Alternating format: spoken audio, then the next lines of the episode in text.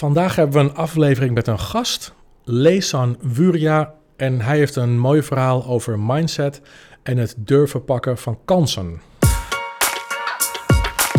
Je luistert naar de Boston Bay Money Podcast. Wil jij makkelijk en snel rijk worden? Dan is dit niks voor jou. Heb je interesse in geld laten groeien, investeren, vastgoed en sales? En besef je dat dit niet super simpel is, maar dat je er echt iets voor moet doen? Blijf dan luisteren. Iedere week deelt Johnny waardevolle info, zodat jij leert hoe je geld voor jou kunt laten werken. Ready? Let's go!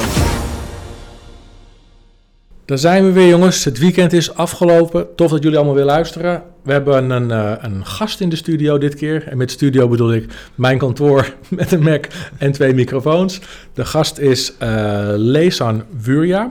En Leesan heeft een mooi verhaal. We gaan het hebben over mindset en het pakken van kansen. Of eigenlijk het herkennen van kansen en daarna het pakken van kansen.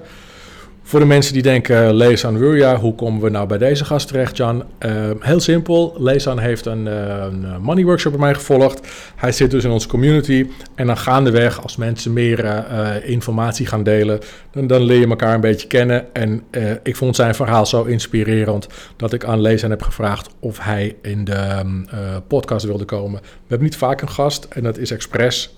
ik vind dat een gast echt meerwaarde moet bieden. En ik denk dat jullie het met me eens zullen zijn na het luisteren van deze podcast dat uh, Leesan dat biedt. Dus ik wil eigenlijk vragen, Leesan, tof dat je er bent, sowieso. En uh, zou je misschien kort iets over jezelf kunnen vertellen, zodat uh, de luisteraars een idee hebben wie je bent? Ja, dankjewel. Uh, fijn dat ik er sowieso mag zijn. Um, om mezelf even kort voor te stellen. Mijn naam is dus Leesan Wuria. Ik um, ben van Koerdische komaf. Ik ben geboren in Koerdistan, in het noorden van Irak. Vijfjarige leeftijd uh, als politieke vluchteling naar, uh, naar Nederland gekomen. En nu alweer uh, ja, 23 jaar in, in Nederland woonachtig. Nou, je hebt ook helemaal geen accent of niks, dus ik had, nee, het, nee, ik had het never nooit kunnen denken dat jij een, een buitenlandse achtergrond had. Wat doe jij, want we gaan het hebben over mindset en kansen. Ik weet natuurlijk al wat jij, wat jij doet. Um, zou jij kort iets kunnen uitleggen over uh, jouw businessmodel? Want jij hebt je eigen bedrijf. Ja. Zou je kunnen vertellen wat je doet? Zeker. Ik um, heb mijn eigen bedrijf, uh, dat heet Connecting Diversity. En vanuit Connecting Diversity begeleid ik uh, statushouders naar werk toe. Um, die begeleid ik ook tijdens een hele zoektocht. En daarnaast bied ik ook trainingen aan over culturele diversiteit, aan um, organisaties, aan hulpverleners, aan iedereen die eigenlijk wat meer wil weten over deze doelgroep. Kan jij kort uitleggen voor de mensen die het niet weten, en voor mij was het ook niet helemaal super duidelijk, wat uh, statushouders precies zijn? Zeker. Statushouders um, zijn vluchtelingen aan wie asiel is verleend in Nederland. Um, zij komen naar Nederland toe, hè, ze vragen dus een asiel aan. Ja. En wanneer ze een asiel hebben gekregen, dan krijgen ze dus een tijdelijk verblijfsvergunning. En dan wonen ze ook echt in de gemeente. Um, en die mensen die dus echt in de gemeente wonen, die zijn dus ook, die hebben de mogelijkheid om te werken. Um, die begeleid ik ook echt naar de arbeidsmarkt toe. En jij, word jij dan benaderd door een gemeente? Want um, ik kan me voorstellen dat jij geen. Is er een database waarin uh, jij kunt zien waar die statushouders zich bevinden? Of word jij benaderd door gemeenten om, uh, om uh, hulp te bieden? Nee, ik word, ik word benaderd door, door echt door gemeentes om, um, om deze mensen te begeleiden. Um, en dan hebben we het nu echt over het stuk begeleiden naar werk toe. En vanuit de andere kant, met trainingen, dat zijn dus echt bedrijven, commerciële bedrijven, organisaties, um, die mij ook via LinkedIn bijvoorbeeld vinden uh, of via een netwerk om te vragen of ik, uh, of ik daar bijvoorbeeld wat wil komen vertellen over deze doelgroep. Alright. En wij gaan het hebben over mindset en, en kansen. Uh, de doelgroep die jij begeleidt, die komen over het algemeen uit situaties waarbij het geen kansen regelt, zal ik maar even zeggen. Nee. Er is een reden waarom ze op de vlucht zijn. En uh, nou, laten we beginnen met een woord waar ik sowieso al een bloedhekel aan heb. Het woord gelukzoeker. Zeker. Um, in, mijn, in mijn optiek, maar dat moet jij zo meteen maar kijken hoe jij daarover denkt. Maar in mijn optiek zijn gelukzoekers zoals de, um, nou, laten we zeggen, sommige niet welwillende mensen of weldenkende mensen erover uh, over, uh, praten zijn. Gelukzoekers, mensen die het uh, hier naartoe komen omdat ze het niet zo heel fijn hebben in hun eigen land. En denken we gaan het eens eventjes proberen in landen waar het allemaal geregeld is voor ons. Dat is zeg maar de negatieve manier hoe ik er, wat ik wel eens hoor van andere mensen. Hoe ik het zie, en ik hoop dat we dat enigszins eens zijn, is dat gelukzoekers doorgaans mensen zijn die op de vlucht zijn geslagen. Um, en gelukzoekers tussen haakjes. Mensen die op de vlucht zijn geslagen. Die met hun uh, drie kinderen ergens in een haven staan in, uh, in Libië of Algerije. Terwijl de bommen om hun heen afgaan. Niet kunnen zwemmen. En in een bootje stappen met hun laatste geld betaald. Van mensen die zij ook helemaal niet kennen. En vervolgens een kleine 30 maanden ergens op de Middellandse Zee dobberen. Ja. Met gevaar voor eigen leven. En uiteindelijk in totale paniek en ontreddering uh, worden opgewacht door uh, marineschepen van Italië of Spanje. En gelukkig daar worden opgevangen en op, ja, onder erbarmelijke toestanden op een, op een eiland als uh, Lampedusa terechtkomen. En dan begint het circus eigenlijk pas. En dat noemen we dan in Nederland gekscherend gelukzoekers. Mensen die de hel zijn ontvlucht. Ja. Hebben we dan een klein beetje hetzelfde idee? Ja, volgens mij um, zeg, je helemaal waar het, zeg je helemaal waar het, waar het op staat. Um, lastig om je, om je daar denk ik als buitenstaander tussen haakjes eh, echt een beeld bij, bij te vormen. Uh, bij wat jij aangeeft, dat ze, dat ze in, in bootjes zitten, dat ze moeten vluchten. Um, het is ontzettend lastig om je voor te stellen. Dat hoef je je misschien ook helemaal niet voor te stellen, want dat kan ook helemaal niet. Um, maar dat zijn wel deze mensen. Dat zijn mensen zoals jij en ik, die een ziel hebben, die een hart hebben, die een familie hebben. En die hun eigen land moeten ontvluchten. Um, om wat voor reden dan ook. En dan kun je denken aan oorlog. Uh, wat dacht je van geaardheid? Ja. Um, dat zijn zulke omstandigheden waar, um, waar ze gewoon niet meer kunnen leven. en dan mag je alles verlaten, mag je alles weglaten. en dan mag je in Nederland helemaal opnieuw beginnen. En dan is het niet prettig om direct een stempel te krijgen als gelukszoeker. Nee, precies. Ik denk dat als we inderdaad, ik ga het gewoon heel grof zeggen, op het moment dat jij uh, uh, qua geaardheid, ik zeg maar wat, uh, homofiel bent of lesbienne in een land waar dat niet geaccepteerd wordt, dan heb je eigenlijk in het kort drie opties. Of je probeert het verborgen te houden, of je wordt van een of ander flatgebouw afgegooid. En daar word je ook niet vrolijk van, laten we eerlijk zijn. Of je moet op een gegeven moment ja, ervoor kiezen om je familie, et cetera, achter te laten. En inderdaad in dat gammele bootje te stappen en hopen dat je levend de overkant uh, bereikt. Dus het woord gelukzoeker, dat, ik denk dat we dat nu in het begin al gelijk hebben getackeld. Dit zijn geen gelukzoekers. Dit zijn gewoon mensen zoals wij dat allemaal zijn, die op zoek zijn naar een, een, een, een, pad of een land of een omgeving waar ze zichzelf kunnen zijn en waar ze gewoon hun kinderen kunnen uh, laten opgroeien, zoals wij dat met onze kinderen ook graag zouden doen. En die eigenlijk op zoek naar, naar een situatie die normaal is, in plaats van de chaos die ze ontvluchten. Ja. Oké, okay, ja. top. Ja. Hey, die mensen die komen hier dus aan um, als statushouder. En dan krijg jij op een gegeven moment krijg jij een belletje of een berichtje van de gemeente. Uh, lees aan, we hebben, een we hebben een gezin of we hebben een aantal kinderen of een, een vader met, met twee kinderen. Uh, ik noem maar iets. Uh, kun je helpen? Ja. En hoe, hoe, wat, wat gebeurt er dan? Wat, hoe kom jij in actie?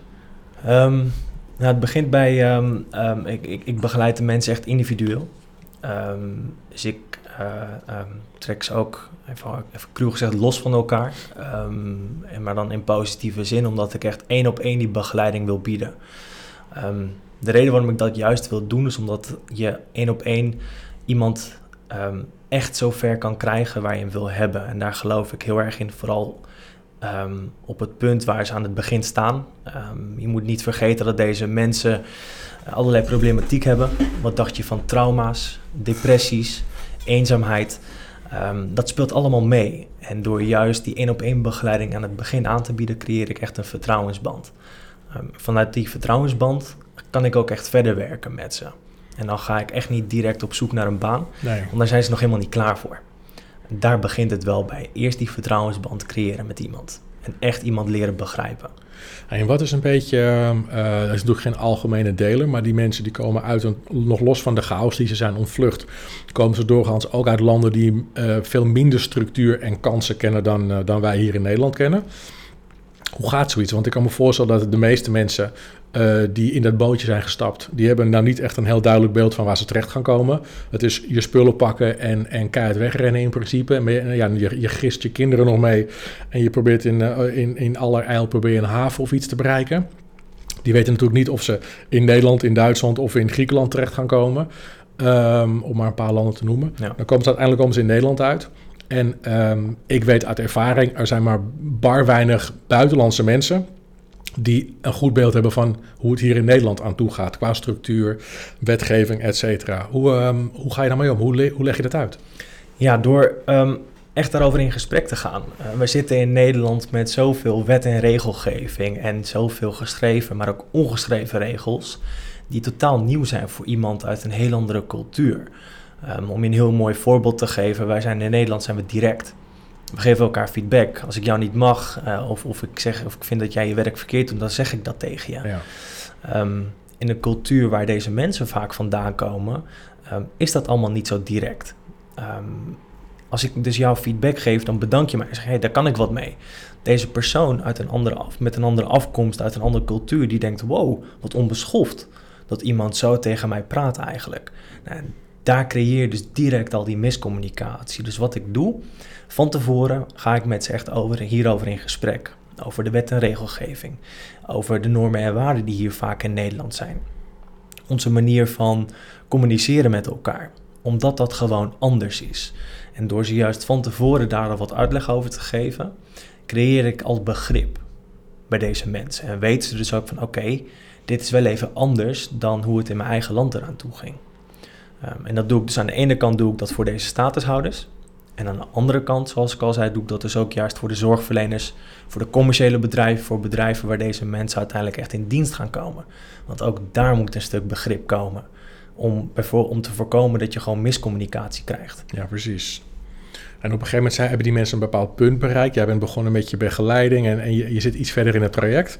En dan gaan ze op een gegeven moment is het tijd om, um, want de gemeentes willen natuurlijk zo snel mogelijk dat deze mensen ook hun plekje vinden in de maatschappij, middels werk, et cetera. Ja. En dan komt er een moment dat, uh, dat ze gaan solliciteren. Uh, moet ik me dan voorstellen dat, ze, dat jij ze uh, leert hoe Indeed werkt en Monsterboard en de uitzendbureaus, et cetera? Of ga jij zelf bedrijf benaderen? Allebei. Um, en bij sommige mensen die, die zijn al iets verder, die, kunnen, um, die weten al een beetje van oké, waar kan ik vacatures vinden. Maar um, heel veel mensen ook niet. Dat begint ook echt pas, uh, begint ook echt gewoon bij stap 1. wat is nou een sollicitatie? solliciteren, hoe doe je dat hier in Nederland? Hoe presenteer jij jezelf? Maar waar vind je dus de vacatures ook? en dat is één onderdeel. Het andere onderdeel is echt met iemand goed in gesprek gaan over wat zijn nou je kansen hier? Welke mogelijkheden zijn hier allemaal? Want daar zijn deze mensen zich ook helemaal niet van bewust. Welke kansen we hier eigenlijk allemaal in Nederland hebben.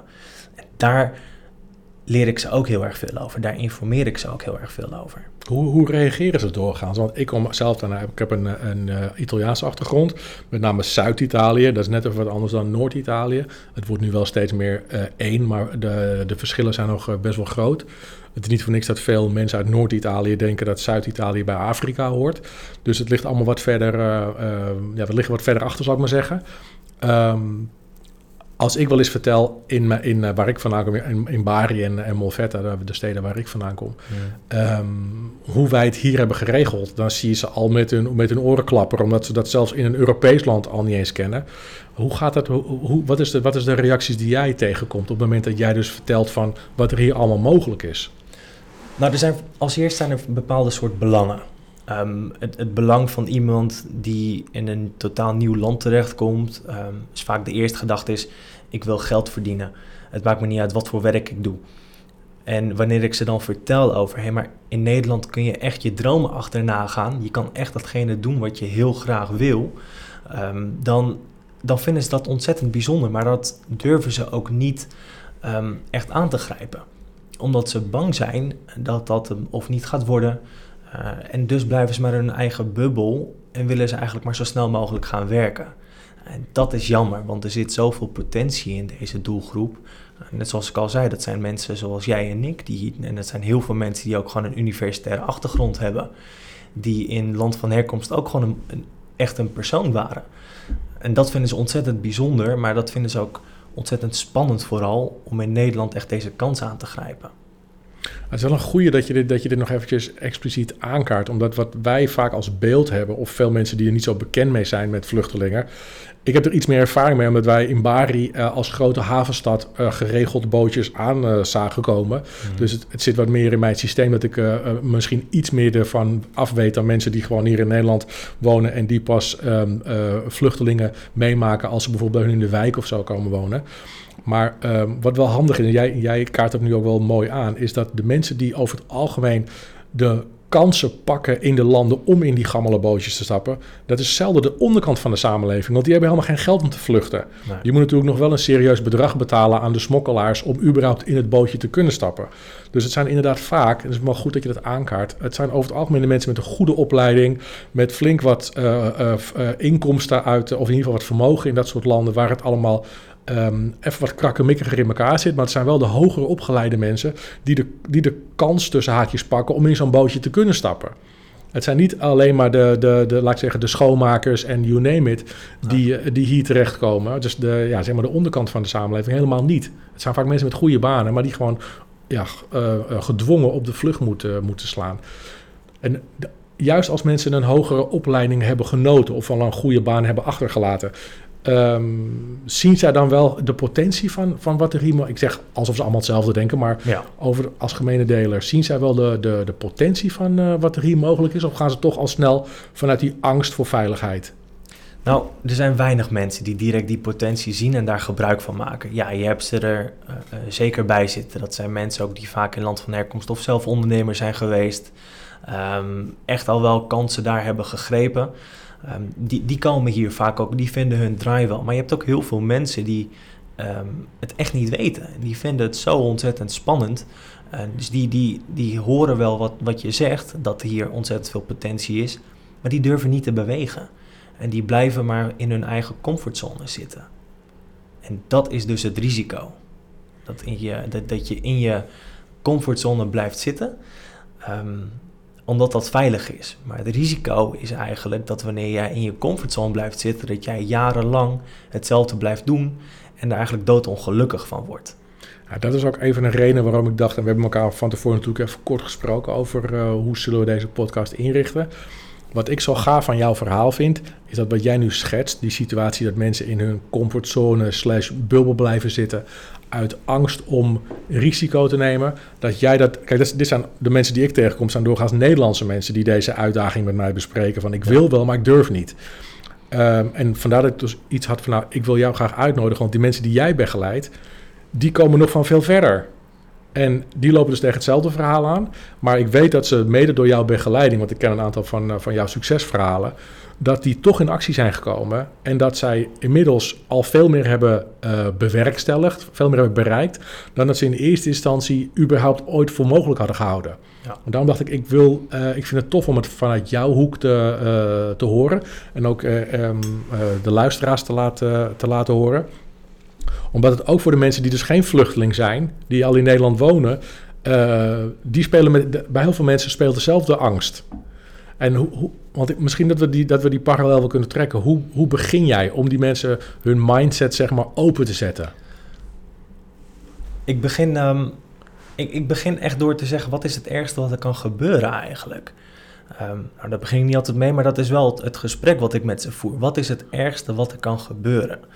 Ik verbaas me erover soms. We leven, en dan heb ik het over de doelgroep waar ik mee werk, maar ook over uh, de mensen die hier zijn geboren. Uh, jij haalde het een keer aan in je podcast, we zijn echt een verzorgingsstaat.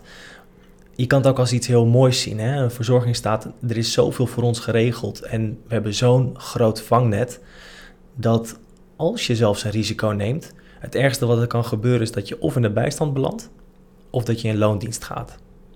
Als dat het ergste is wat er kan gebeuren, um, dan snap ik niet dat mensen nog steeds niet de kansen willen aangrijpen waar ze echt van dromen. Hoe denk je dat het kan? Dat, ze, dat, ze zo, dat veel mensen zo geconditioneerd zijn en, en hun mindset gesloten houden en niet die mindset op groei kunnen zetten. Hoe, hoe ervaar jij dat? Waarom, waarom denk je dat dat zo. Ja, onder mensen die gewoon uit Nederland komen, is het al enorm groot, dit tussen haakjes probleem. Maar ik kan me voorstellen dat het bij jouw doelgroep nog een, uh, nog een stukje groter is, omdat ze natuurlijk een, een grotere achterstand hebben. Nou, sowieso al ten opzichte van de arbeidsmarkt, maar ook taal, uh, vrienden, sociale kennissen of sociale, um, uh, hoe zeg je dat? ja, eigenlijk een sociaal leven. Ja. Die, zijn, die beginnen helemaal op nul. Hoe, hoe, um, hoe denk je dat dat komt? Dat zoveel mensen zo, met zo'n gesloten mindset door het leven gaan? Ik denk, um, ik denk dat uh, angst daar uh, echt wel een heel belangrijk woord in is. Mensen zijn uh, bang om te bewegen, um, bang voor het nieuwe. En wanneer jij daar bang voor bent, en, um, dan durf je ook niet te bewegen. En zelfs als je durft te bewegen, dan geloof ik ook heel erg dat heel veel mensen ook zichzelf echt niet in de spiegel durven aan te kijken en te zeggen dat ze daar werkelijk alles aan hebben gedaan om er een succes van te maken. Omdat ze, daar, omdat ze het gewoon niet durven. Omdat je dan dus de waarheid onder ogen moet gaan zien dat je eigenlijk niet alles eraan hebt gedaan. En wat doen mensen dan vaak? Dan blijven ze maar in hun eigen bubbel zitten, wat we net al zeiden. Angstig. En die denken, laat maar zitten. Ik doe het maar niet, anders faal ik toch wel. Uh, dus ik blijf gewoon lekker bij mijn baantje zitten. Of in een situatie zitten waar ik doodongelukkig van ben en van word. Ah, dat is wat geestig. Jij, jij zegt angstig. En wat, wat, want ik heb natuurlijk, ik coach ook wat mensen. Um, niet zo, um, niet zo uh, uh, veel als jij. En ik heb ook minder tijd ervoor. Bij jou is echt je core business. Wat mij opvalt is dat de mensen um, die dus inderdaad met een gesloten mind... Veel mensen met een gesloten mindset... die hebben helemaal niet eens door, althans niet bewust... dat ze vanuit een bepaalde angst beslissingen nemen.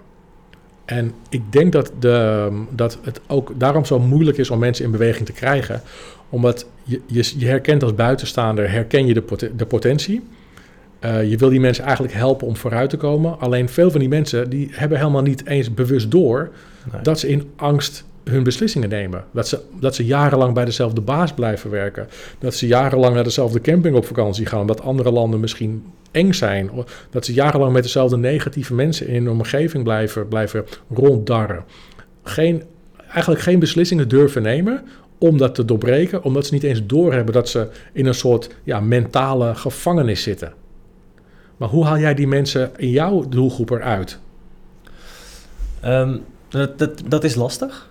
Um, vooral als je, als, je, um, als je denkt of als je er rekening mee houdt dat deze mensen ook bepaalde problematiek meenemen. En zoals ik al zei, trauma's, depressies en dergelijke. Dat is ontzettend lastig. Maar door echt met diegene in gesprek te blijven gaan en die spiegel steeds voor te houden, kom ik heel erg ver. Um, dus wanneer ik die vertrouwensband namelijk heb, kijk, dan vertrouwt iemand er ook echt op dat ik het beste met hem of haar voor heb. Ja. En door steeds die spiegel voor te houden van, hé, hey, wat is nou werkelijk de reden dat je niet beweegt? Um, creëer je bij iemand ook uiteindelijk een, een hopelijk natuurlijk, hè, een, een, een, gedachte, een mindset van, hé, hey, het is eigenlijk helemaal niet erg als ik, dit, als ik iets nieuws uitprobeer. En het is helemaal niet erg als ik faal. Nee, precies dat, ja. Dat is helemaal niet erg. Alleen, ik vind het nogmaals, ik vind het zo bijzonder dat er zoveel mensen zijn die die stap dus niet durven te nemen. En daar zijn namelijk zoveel kansen in, maar er zijn zo weinig mensen die dat werkelijk benutten. Die durven op hun bek te gaan. Dat zijn er niet heel veel nu. Nee, ik ben het helemaal met je eens. Ik, heb wel eens, ik weet niet of ik het wel eens in de podcast heb verteld, maar ik heb het jou wel een keer verteld, weet ik. Dat wij toen inderdaad, toen ik weer voor mezelf wilde beginnen, na acht jaar loondienst, toen had ik zoiets, en wat overigens helemaal geen hel was hoor, helemaal niet zelfs, ja. maar op een gegeven moment begon het toch weer te kriebelen. Ik wilde weer mijn eigen beslissingen maken en, en kijken of de ideeën die ik had, of die uh, uh, levensvatbaar waren. Toen werd ik nog heel goed, lag met Mirel in een park. Uh, voor mij was het Central Park in New York. En toen vroeg ik aan haar van, Mop, ik ga even voor mezelf beginnen. Dit is mijn plan. En toen zei ze, nou, dat moet je doen. En toen gaf, omdat we het er even over gehad. En zat een, ik was, ze was ook enthousiast en, en overtuigd van, van mijn verhaal. En ehm, ik vertelde het eigenlijk aan haar omdat ik zelf wat onzekerheid had.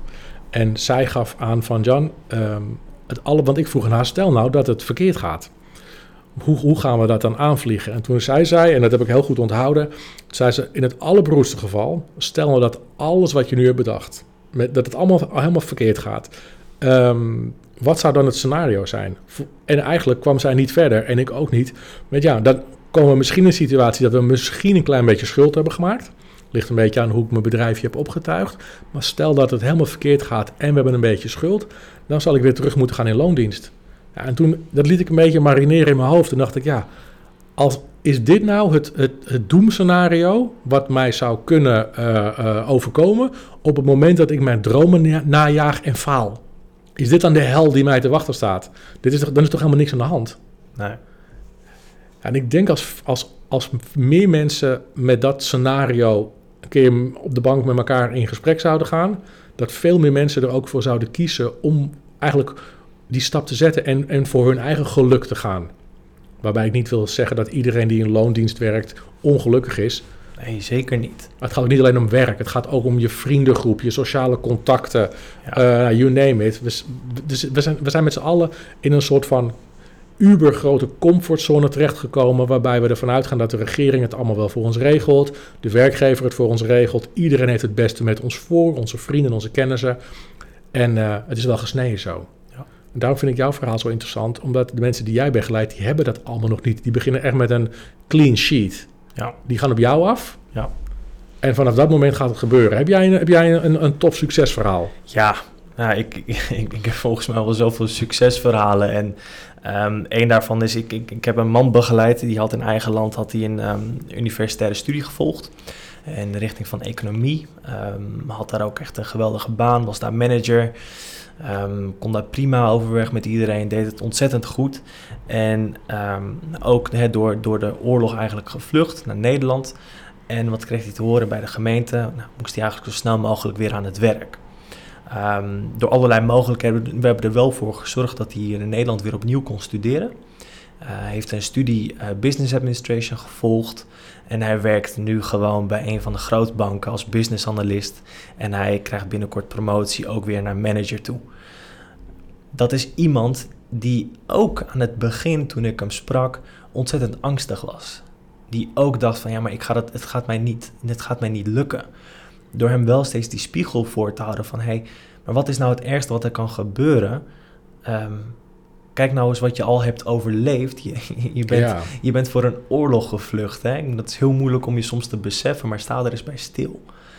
Je, bent, je hebt een reis afgelegd van duizenden kilometers. Ehm, je bent ergens naartoe gevlucht om een beter leven te leiden. En nu ben je bang om je droom achterna te gaan. Je hebt het ergste in je leven al meegemaakt. Ga hier nou voor. En het is niet erg als het even niet lukt, want het is heel normaal als het even tegen zit. Maar de vraag is, wat doe je er dan aan op dat moment als het tegen zit? Ja. Ga je bij de pakken neerzitten? Of zorg je ervoor dat het alsnog gaat lukken? Nou, deze man die heeft er keihard voor gewerkt, hè, die heeft echt lopen zwoegen. Ehm, maar die heeft nu een geweldige functie en die vindt het helemaal leuk. Die zit, hij zegt, ik zit op mijn plek, ik voel me gewaardeerd en ik doe iets wat ik echt leuk vind. Ja, dat, dat zijn verhalen waarbij ik echt tot op de dag van vandaag nog steeds gewoon kippenvel van krijg. Want het is zo waardevol. En dit, dit is dan nu het verhaal over iemand van een andere afkomst. Maar dit, is, eh, dit, dit loopt parallel met iemand ook gewoon die in Nederland is geboren. Hè? Daar, daar kunnen we precies hetzelfde verhaal voor schetsen.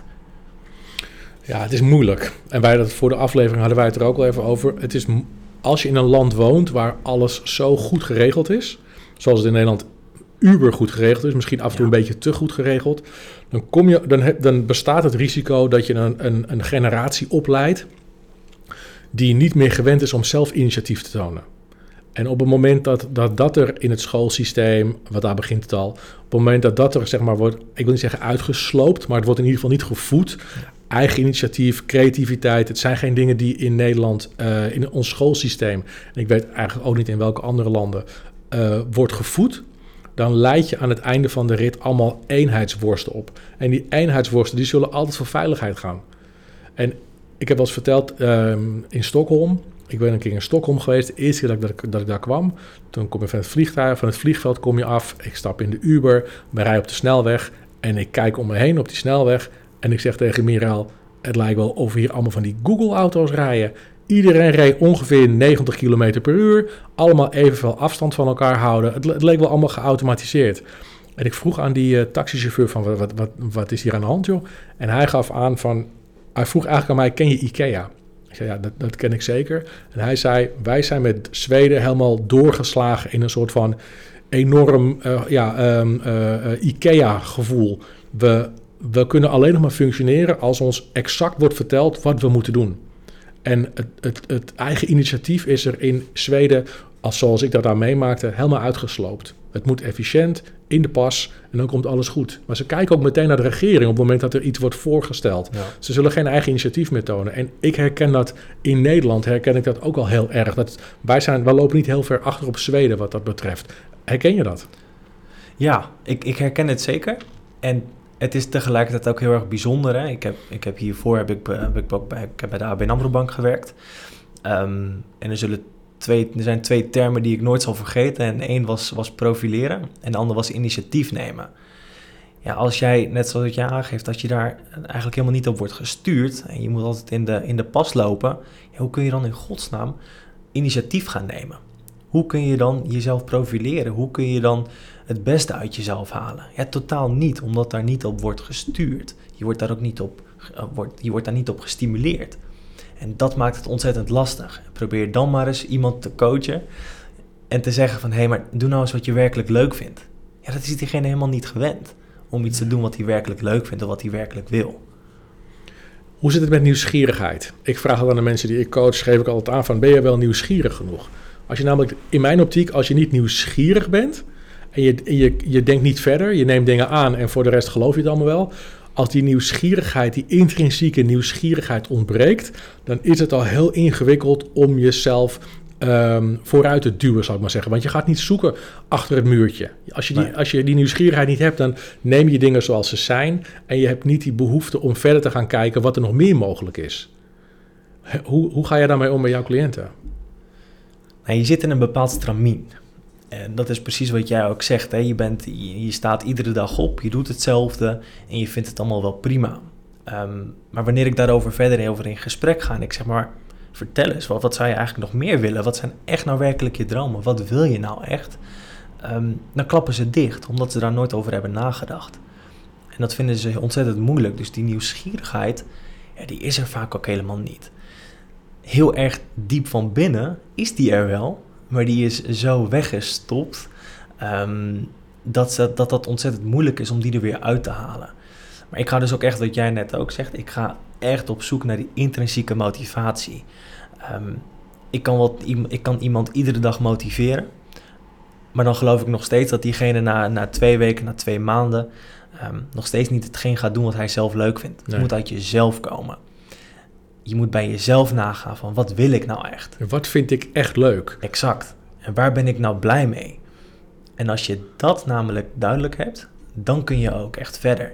Ik heb ook in de podcast, ik heb wel eens een aflevering gemaakt over een, een, een vraag die mij ooit werd gesteld. En die heb ik ook teruggesteld aan de mensen in de podcast. En die, dat was een oefening voor je mindset. En uh, die ken je misschien ook wel. Daarbij was het verhaal van, stel nou dat je iedere dag wakker wordt. En ik heb iedere dag heb ik of iemand anders met uh, uh, zeg maar een van de miljardair, die zorgt ervoor dat iedere dag dat jij wakker wordt, dat er weer 1000 euro op jouw rekening is gestort. En dat gaat je leven lang zo door. Dat is een verzekering. Daar hoef je je nooit meer druk om te maken. Met andere woorden, je wordt ochtends wakker en er is 1000 euro op jouw rekening gestort. Hoe ga jij dan jouw dagen inrichten? En heel veel mensen lopen al meteen vast. Ja. Omdat zij geen idee hebben waar hun passie ligt. Wat zou ik nou doen met mijn leven als geld geen issue was?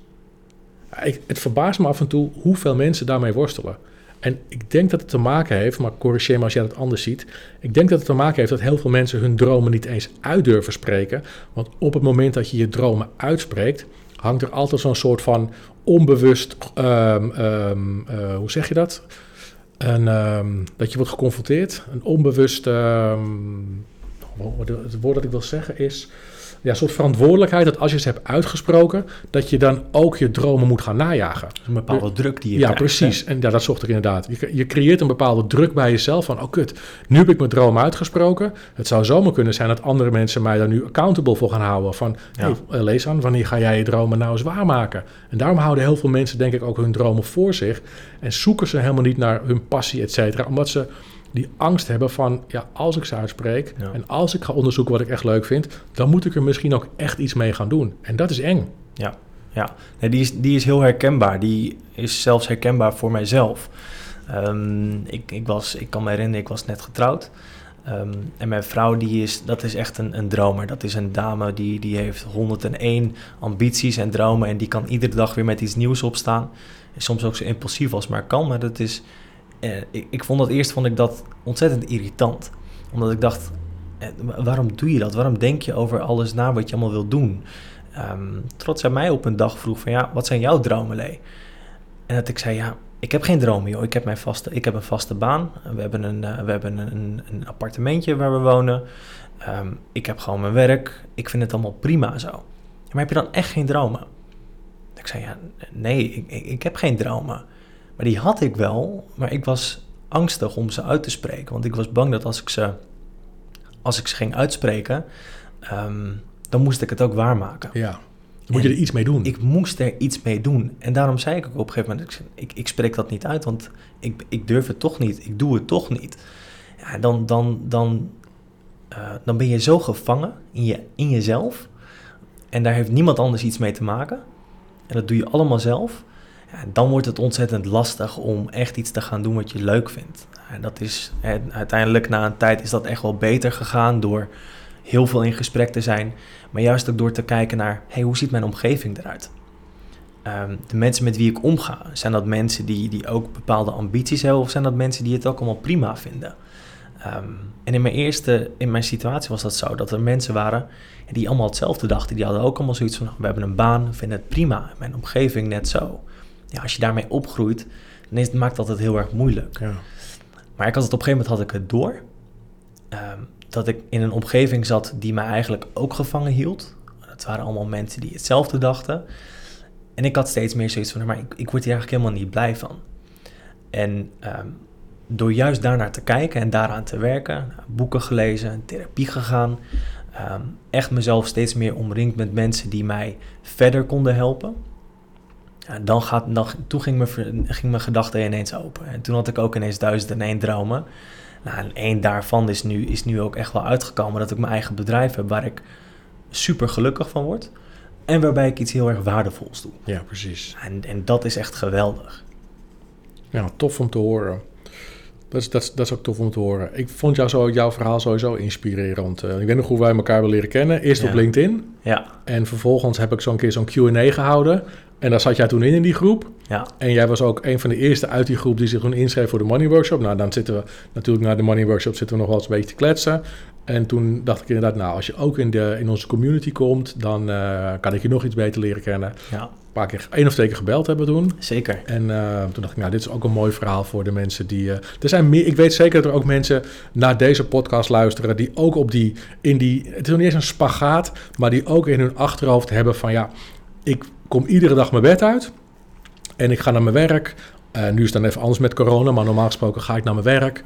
Maar dit is niet, het is niet iets wat ik met liefde doe. Ik doe het omdat het om wat voor reden dan ook moet... of omdat het van me verwacht wordt... of omdat ik bepaalde verantwoordelijkheden draag... en dat op deze manier kan bekostigen...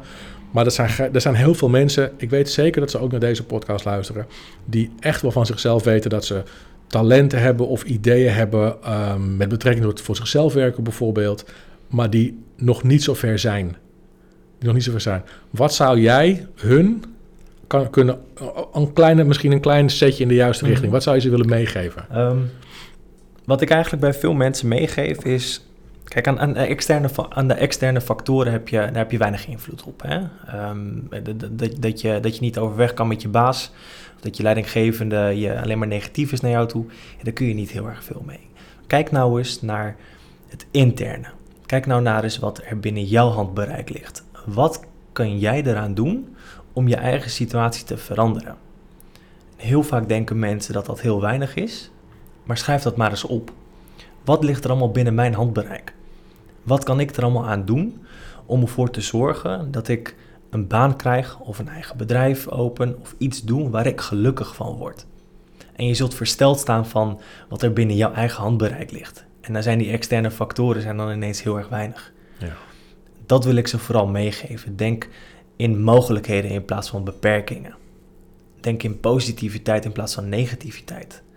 Als jij een, een gedachte hebt die negatief is of uit angst bestaat, zorg ervoor dat je die, ehm, dat je die omdraait naar positiviteit. Dat is wat ik ze vooral wil meegeven. En Kan het, kan het zijn mooie woorden, dankjewel. Kan het dan zo zijn? Want ik heb dat letterlijk wat jij nu zegt, heb ik ook gedaan. En ehm, ik heb op een gegeven moment heb ik een lijstje gemaakt met redenen om voor mezelf te beginnen en redenen om in loondienst te blijven. Waarbij ik nogmaals wil benadrukken dat het een niet beter is dan het andere. Maar voor mij op dat moment voelde het niet meer goed om in loondienst te blijven. Ik wilde zeg maar mijn vleugels weer uitslaan. En het geestige was, Leesan, de pro's, dus zeg maar om voor mezelf te beginnen, de dingen die op dat lijstje stonden, dat waren er veel minder dan de contra's. Dus het lijstje van Hmm. blijf in loondienst, dat was veel langer dan ga voor jezelf beginnen. Daar stonden maar een paar punten op. Maar toch waren die punten, die voelden voor mij zoveel zwaarder en zoveel belangrijker, dat ik uiteindelijk toch die sprong weer heb, ge- heb gewaagd. Ik wil niet helemaal zeggen in het diepe, maar ik, ben, ik heb uiteindelijk toch besloten van ja, de, de punten die mij, die mij allemaal die veiligheid geven, die vind ik op dit Mhm. moment minder belangrijk dan de punten die ik hier heb opgeschreven. Al zijn dat er minder, maar die wegen voor mij zwaarder, omdat zij mij- voor mij vrijheid betekenen. Exact. Zie jij dat ook zo? Ja, zeker. Ehm, ik ik bedoel, als je tien dingen tegenover elkaar zet, eh, de, de do's en don'ts, ehm, dan kunnen er misschien twee do's en, en tien don'ts eh, kunnen er staan, maar die do's die wegen veel zwaarder. Hè? En dat kan voor iemand ehm, kan het veel meer betekenen. En daar gaat het om. Wat vind jij belangrijk? Niet wat vindt je omgeving belangrijk, maar wat wil jij? En als jij echt voor die vrijheid gaat, dan kan dat één doel zijn en er kunnen tien don'ts op staan. Eh, maar als die vrijheid voor jou zo zwaar weegt en dat vind je zo belangrijk, ja natuurlijk, dan moet je daarvoor gaan. Daar gaat het uiteindelijk om. Het gaat om jouw geluk. Het gaat om jouw ontwikkeling. En het gaat om jouw hele loopbaan. Nou, dat zijn mooie woorden. Dat zijn mooie woorden. In het allerbroeds geval, als alles naar de vaantjes gaat, dan leven we in ieder geval in een land waarbij je weer één stapje terug moet doen. En dat je weer teruggaat in een functie in loondienst. Exact. En daarna kun je desnoods, al wil je het over een paar jaar weer proberen, dan kun je gewoon weer aan de gang, toch? Of, zeg ik nou gekke dingen? Nee, nee, totaal niet. En dat is ook eh, voor mij een van de redenen geweest waarom ik uiteindelijk voor mezelf ben gestart. Eh, ook ik had namelijk die angst. Dat ik dacht van ja, maar wat als het nou niet lukt? Ehm, en ook ik had op een gegeven moment dus de gedachte van ja, het ergste wat er kan gebeuren is dat ik ergens weer in loondienst moet gaan. Ehm, wat ik ook helemaal niet erg vond. En dat doe ik dan een tijd en dan kan ik misschien daarna wel weer verder kijken. Wees niet bang. Maak die keuze, maar doe in ieder geval iets. Blijf niet in je comfortzone hangen als je weet dat je daar eigenlijk doodongelukkig van wordt. Want je hebt alleen maar jezelf ermee uiteindelijk. Nou, dat vind ik mooie woorden om af te sluiten, Leesan. Dank je wel voor, de, voor je tijd en dank je wel dat je wilde komen. Als jullie vragen hebben over deze podcast, dan kun je eh Leesan via LinkedIn benaderen.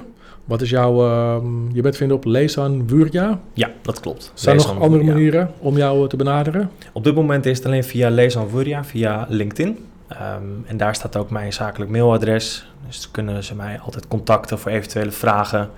Ehm dus ben ik gewoon bereikbaar. Nou, super tof. Dankjewel nogmaals, dankjewel voor het aanwezig zijn. Als jullie dit een leuk onderwerp vonden en een toffe podcast, ehm, geef het alsjeblieft door. Misschien dat we over een tijdje Leesan gewoon nog een keer uitnodigen. Dan kan hij misschien nog iets dieper ingaan op de stappen die we eh, zouden kunnen zetten.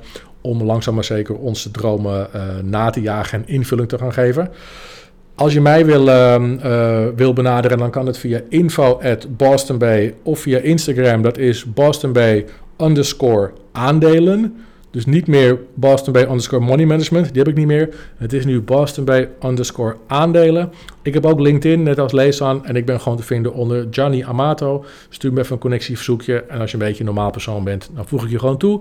En als je gekkie bent, dan doe ik gewoon net alsof ik nooit een connectieverzoek van je heb ontvangen. Alright, dit was hem weer. Jongens, dankjewel. Maak er een mooie dag van. En we gaan weer op naar de volgende. Hoi!